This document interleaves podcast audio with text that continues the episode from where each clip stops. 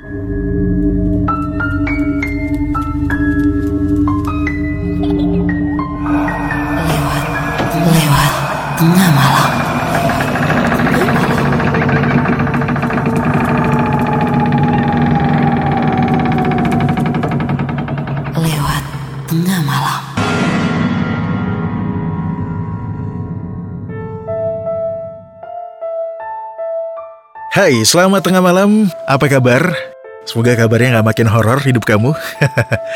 Willy Ardan seneng banget bisa muncul lagi di podcast ini di episode baru. Itu artinya buat kamu siapin cemilan. Ya mungkin mau sambil ngemil buat dengerin episode yang terbaru ini. Dan aku juga mau ngucapin terima kasih buat supportnya yang sudah follow, yang sudah mendengarkan episode yang ada di podcast ini. Kita sudah sampai di 10.000 pendengar ya. Itu artinya luar biasa banget untuk pencapaian ini.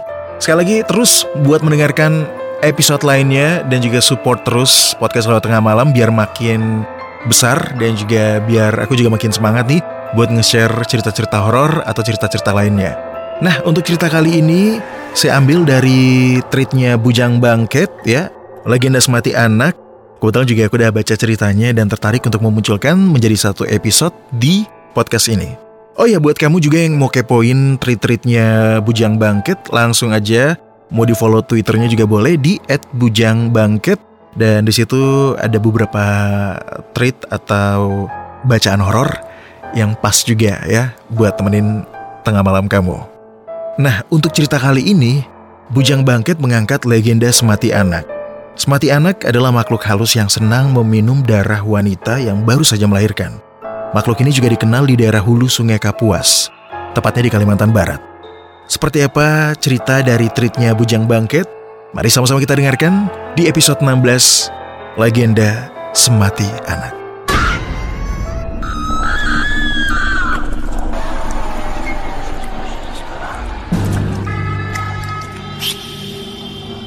Cerita ini diceritakan oleh penulis dari kisah nyata atau kejadian yang dialami Uma, ini panggilan kepada ibu yang bercerita tentang hal-hal gaib yang dialami semasa kecilnya. Uma berasal dari kampung di hulu sungai Kapuas. Kampungnya di pelosok Kalimantan. Saat pertama kali mendengar nama semati anak, saya menduga makhluk ini serupa dengan kuntilanak atau mati anak. Awalnya saya juga sempat menanyakan ke bujang bangket ya, dan ternyata beda ya.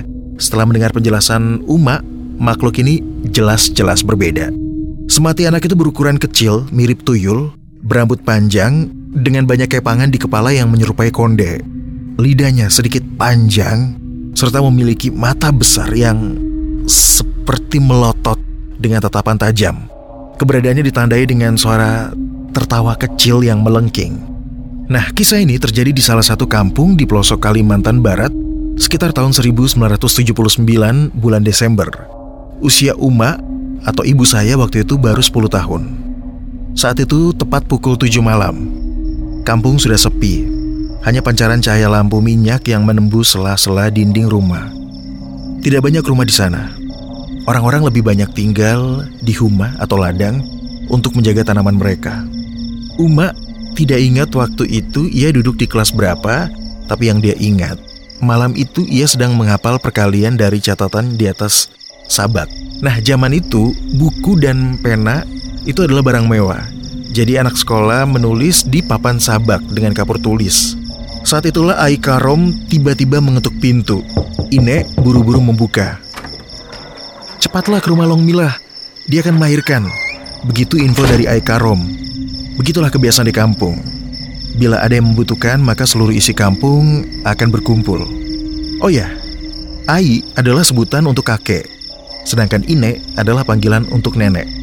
Nah, Ine dalam cerita ini adalah nenek saya sendiri. Sedangkan Ai Karom adalah tetangga yang berjarak dua rumah dari rumah Uma. Malam itu dengan membawa sebotol lampu minyak, Uma dan Ine berjalan ke rumah Long Mira. Saat itu udara terasa begitu dingin. Tanah masih lembab karena sorenya baru saja turun hujan. Abang dan kakak Uma di rumah, ditemani Ai yang sibuk menenun jala ikan. Rumah Long Mila berada di ujung kampung, di kaki sebuah bukit. Untuk sampai ke rumah ini, jarak dari rumah Uma paling tidak membutuhkan waktu 10 menit. Tapi perjalanan malam itu terasa lebih panjang.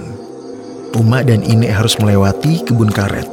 Mak, kita dari tadi udah lewat pohon yang ini, kata Uma menunjuk pohon karet yang diikat dengan kain merah.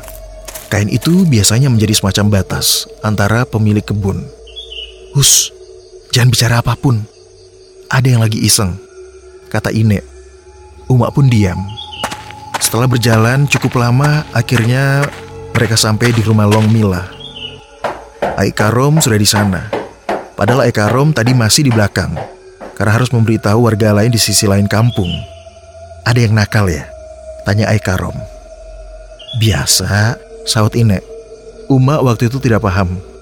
Sudah berapa lama? Tanya Ine ke salah satu warga lain. Tujuh jam katanya. Sepertinya ada yang mau anak ini lahir malam. Ternyata itu alasan Aikarom keliling kampung mengundang warga untuk menjaga-jaga. Uma yang waktu itu masih kecil tidak terlalu peduli. Ia berkumpul dengan beberapa anak lain untuk bermain biji karet. Pesan Ine, jangan ke mana-mana, jangan berpisah, kamu jangan main belabo. Belabo itu artinya sembunyi. Ya seperti permainan petak umpet. Ada sekitar 10 orang anak di sana. Ine bersama dua tiga orang yang lain masuk membantu dukun beranak. Sesekali Long Mila meraung keras. Aikarom bersama warga laki-laki lainnya duduk di ruang tamu sambil meminum kopi. Mereka menggulung tembakau dan merokok sambil bercakap. Asap tembakau mengepul. Teriakan dari dalam semakin nyaring. Saat itulah, Uma mendengar suara tertawa kecil di bawah rumah. Oh iya, rumah di sana bentuknya itu seperti rumah panggung. Fungsinya untuk mencegah banjir dan juga gangguan binatang buas. Suara ketawa itu terdengar jelas. Ine keluar dari dalam. Kalian dengar suara itu? Tanya Ine kepada para lelaki di ruang tamu. Semua berpandangan. Itu sekitar pukul 9 malam. Semati anak, kata Aikanom. Ia mengisap tembakau dalam-dalam. Aikarom bangkit dari duduknya. Bakar, kita ambil kayak gaharu di rumah. Pria bernama Bakar bangun dari duduknya. Mereka segera bergegas. Anak-anak sudah berhenti bermain sejak tadi. Beberapa bahkan tertidur. Uma masih terjaga menyimak hal-hal aneh yang baru saja ditemuinya kali ini. Uma bangkit dan berjalan pelan menuju kamar. Ia mencoba mengintip dari balik tirai. Suara tawa terdengar lagi. Di dalam dukun beranak berusaha mengeluarkan bayi dengan mengurut perut. Dua warga lain di dekat kepala berusaha menenangkan. Mata Long Mila tampak melotot, lehernya tegang. Long Mila berteriak kencang sambil berusaha mengerahkan seluruh tenaga untuk mengeluarkan anaknya. Matanya melotot, melirik ke arah jendela. Uma pun menatap ke sana. Ternyata di sana ada sepasang mata kecil yang muncul dari kegelapan. Mata itu mengedip, lalu hilang. Tawa itu muncul untuk kesekian kalinya. Badan Uma terasa menggigil. Ia merasa rumah itu diawasi. Ia kembali berbaring bersama anak-anak lain. Kau kenapa? Tanya temannya. Tidak ada apa-apa, sahutnya. Tatapan matanya itu seperti membayangi dirinya. Uma meringkuk, sekujur tubuhnya dingin. Dari dalam ia mendengar pekik yang semakin sering. Keringatnya mengalir. Rasa takut membuatnya seperti mendengar tawa itu di dalam kepalanya. Kadang jauh, kadang seperti berbisik di telinganya. Tepat di jam 12 malam, di antara tidur dan bangun, Uma seketika mendengar suara tangis bayi dari dalam kamar. Suara tangis itu terdengar lantang seperti merasakan sakit. Orang-orang tampak sibuk. Cepat bersihkan darahnya, seru Ine kepada warga yang lain. Bapak-bapak yang dari tadi merokok di luar bergegas mengangkat air ke dalam kamar dan tangis bayi itu masih terdengar kencang di tengah kesepian malam. Anehnya Aika Rom belum juga datang. Padahal itu sudah nyaris tiga jam dia pergi. Ya kalau hanya sekedar mengambil kayu gaharu ke rumahnya 30 menit cukup lah. Kecuali kalau kayu gaharunya itu harus ditanam dulu. Suara tangis bayi memecah malam, disusul suara tawa yang menggema. Suara itu terdengar banyak menggema, seolah-olah rumah itu sudah dikepung. Pontang-panting bapak-bapak itu mengangkat air ke atas. Laki macam apa kalian? Lari macam anak kecil, ucap Ine. Kami ini buaya pun kami lawan. Asal ada wujudnya. Ini setan, yang ada cuma ketawanya. Saut salah satu bapak. Tawa kembali terdengar bersaut-sautan. Di dalam, Long Mila meraung-raung berusaha menggapai bayinya. Ia menendang-nendang menumpahkan baskom bekas memandikan bayi. Baskom itu tumpah. Air menggenang dan menetes melalui celah-celah lantai papan. Seketika suasana hening. Lalu suara tawa itu seperti berkumpul di bawah rumah. Cepat cari Aikarom, seru Ine. Umak menggigil ngeri, tapi ia seperti terpanggil untuk menatap ke bawah. Dari selapapan, Umak menatap ke bawah dan ia melihat sosok semati anak di bawah rumah yang sedang berusaha menggapai tetesan air yang bercampur darah itu.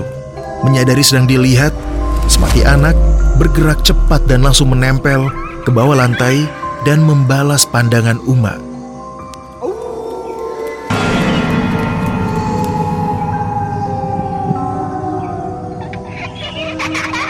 Mata mereka saling bertatap. Uma seketika itu cuma bisa mematung. Melihat Uma mengintip ke bawah, Ine langsung menarik Uma dan menggendongnya. Sedang apa kau? Uma mematung. Tatapan matanya kosong. Hilang semangat. Begitu di sana disebutnya. Kondisi saat seseorang seperti kehilangan kuasa atas dirinya. Ine segera mengelus kepala Uma sambil berbisik, Ku semongat, ku semongat, ku semongat. Ia seperti berusaha memanggil kembali semangat Uma. Lihat ke bawah ada apa? Ine meminta bapak-bapak tadi ke bawah dan mereka hanya berpandangan. Suara tawa itu sayup-sayup masih terdengar tipis. Dua orang bapak-bapak melompat ke bawah dengan membawa lampu minyak yang mereka pakai sebagai penerang di bagian bawah kamar yang gelap. Tapi di sana tidak ada siapa-siapa. Angin malam berhembus kencang.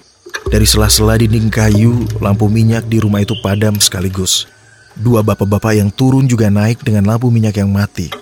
Uma masih ada di pelukan Ine. Kali ini giliran dukun beranak yang menjerit. Benar-benar malam yang kacau saat itu.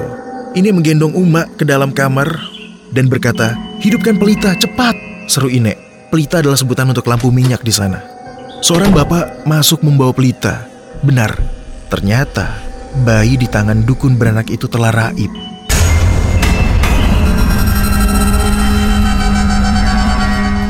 Jendela terbuka lebar. Angin malam berhembus dingin masuk ke dalam. Dan dalam diam semua orang di situ merasakan panik. Aikarom orang pintar di kampung itu akhirnya muncul. Terdengar tawa dari balik rindang pohon di sisi rumah. Di sana, seru salah satu warga perempuan yang dari tadi membantu proses kelahiran. Mereka tergopoh-gopoh keluar rumah dan menuju sumber suara. Maka di sanalah semua orang dapat melihat sesosok makhluk kecil berambut panjang dengan baju putih lusuh berjongkok menjilati bayi yang masih merah. Tapi bayi itu tampak diam. Ya, hilang semangat. Saat itulah Aikarom datang dengan mangkuk berisi kayu gaharu yang telah dibakar. Memang jahanam! Nyahlah makhluk terkutuk! Aikarom seperti merapal mantra. Semua orang saat itu terdiam. Aroma kayu gaharu menyeruak. Aikarom langsung meniupkan asapnya secara pelan. Seketika itu semati anak beringis. Ia bergerak seperti orang mabuk. Lalu ia tertawa keras sekali. Dan ia pun menghilang di balik kegelapan dengan tawanya yang memantul. Dukun beranak buru-buru mengambil bayi tersebut. Dirapalnya, kusumungat, kusumungat, berulang-ulang. Sedangkan Ine berdiri di samping Aikarom. Ke mana kau? Lama sekali, tanya Ine. Uma di pelukannya sudah mulai baikan. Diganggu. Mereka tidak mau aku datang ke sini. Mereka? Iya, orang di balik ini semua. Beberapa hari setelah kejadian itu, dari cerita Long Mila, barulah sebuah fakta terkuat. Bahwa suaminya tidak percaya anak yang dikandung Long Mila adalah anaknya. Ia menuduh Long Mila selingkuh. Mereka bertengkar hebat seminggu sebelumnya. Suaminya bersumpah tidak akan membiarkan anak itu hidup. Suaminya lalu pergi entah ke mana. Dan di hari ia merasakan sakit hendak melahirkan itu adalah dua minggu sebelum waktu seharusnya. Karena menurut hitungannya, belum waktunya anak ini lahir. Makanya, sebenarnya sepanjang hari ia berusaha agar si anak tidak lahir. Ia tahu bahaya yang menanti anaknya.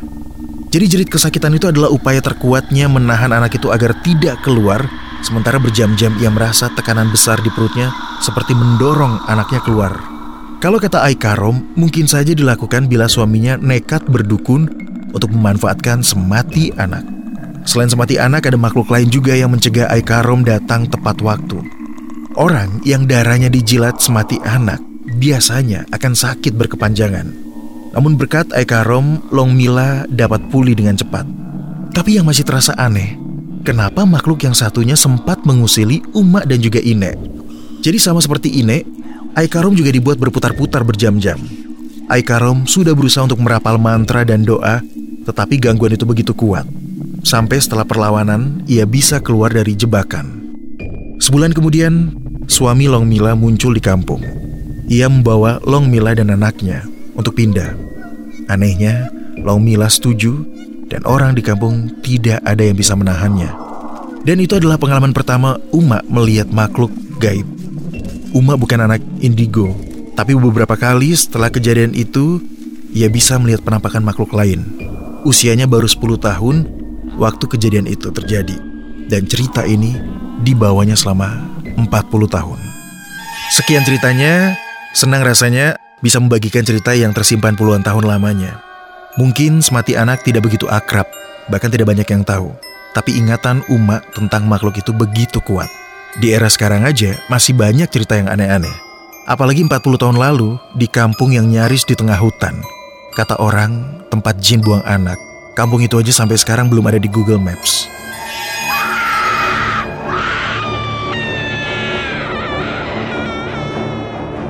Nah, itu dia cerita dari Bujang Bangket langsung di follow akun Twitternya biar kamu juga bisa membaca tweet horor lainnya. Ceritanya juga cukup seram ya. Kejadiannya di Kalimantan di pedalaman tentang legenda semati anak. Nah teman tengah malam saya tutup cerita di podcast lewat tengah malam ini dengan ucapan sekali lagi terima kasih yang sudah mendengarkan episode ini, yang sudah terus mensupport mendengarkan podcast ini ya. Jangan bosan untuk mendengarkan cerita-cerita lainnya. Oh ya, buat teman tengah malam yang belum follow akun Instagram podcast lewat tengah malam, langsung di follow dan langsung kirim juga cerita kamu. Atau kamu juga bisa kirim voice note cerita horor kamu di email willyardan13 at gmail.com dan nanti cerita kamu juga bakal dimunculkan di podcast ini. Waktunya Willy Ardan untuk menghilang sesaat dan nanti kita akan ketemu di episode berikutnya. Selamat tengah malam.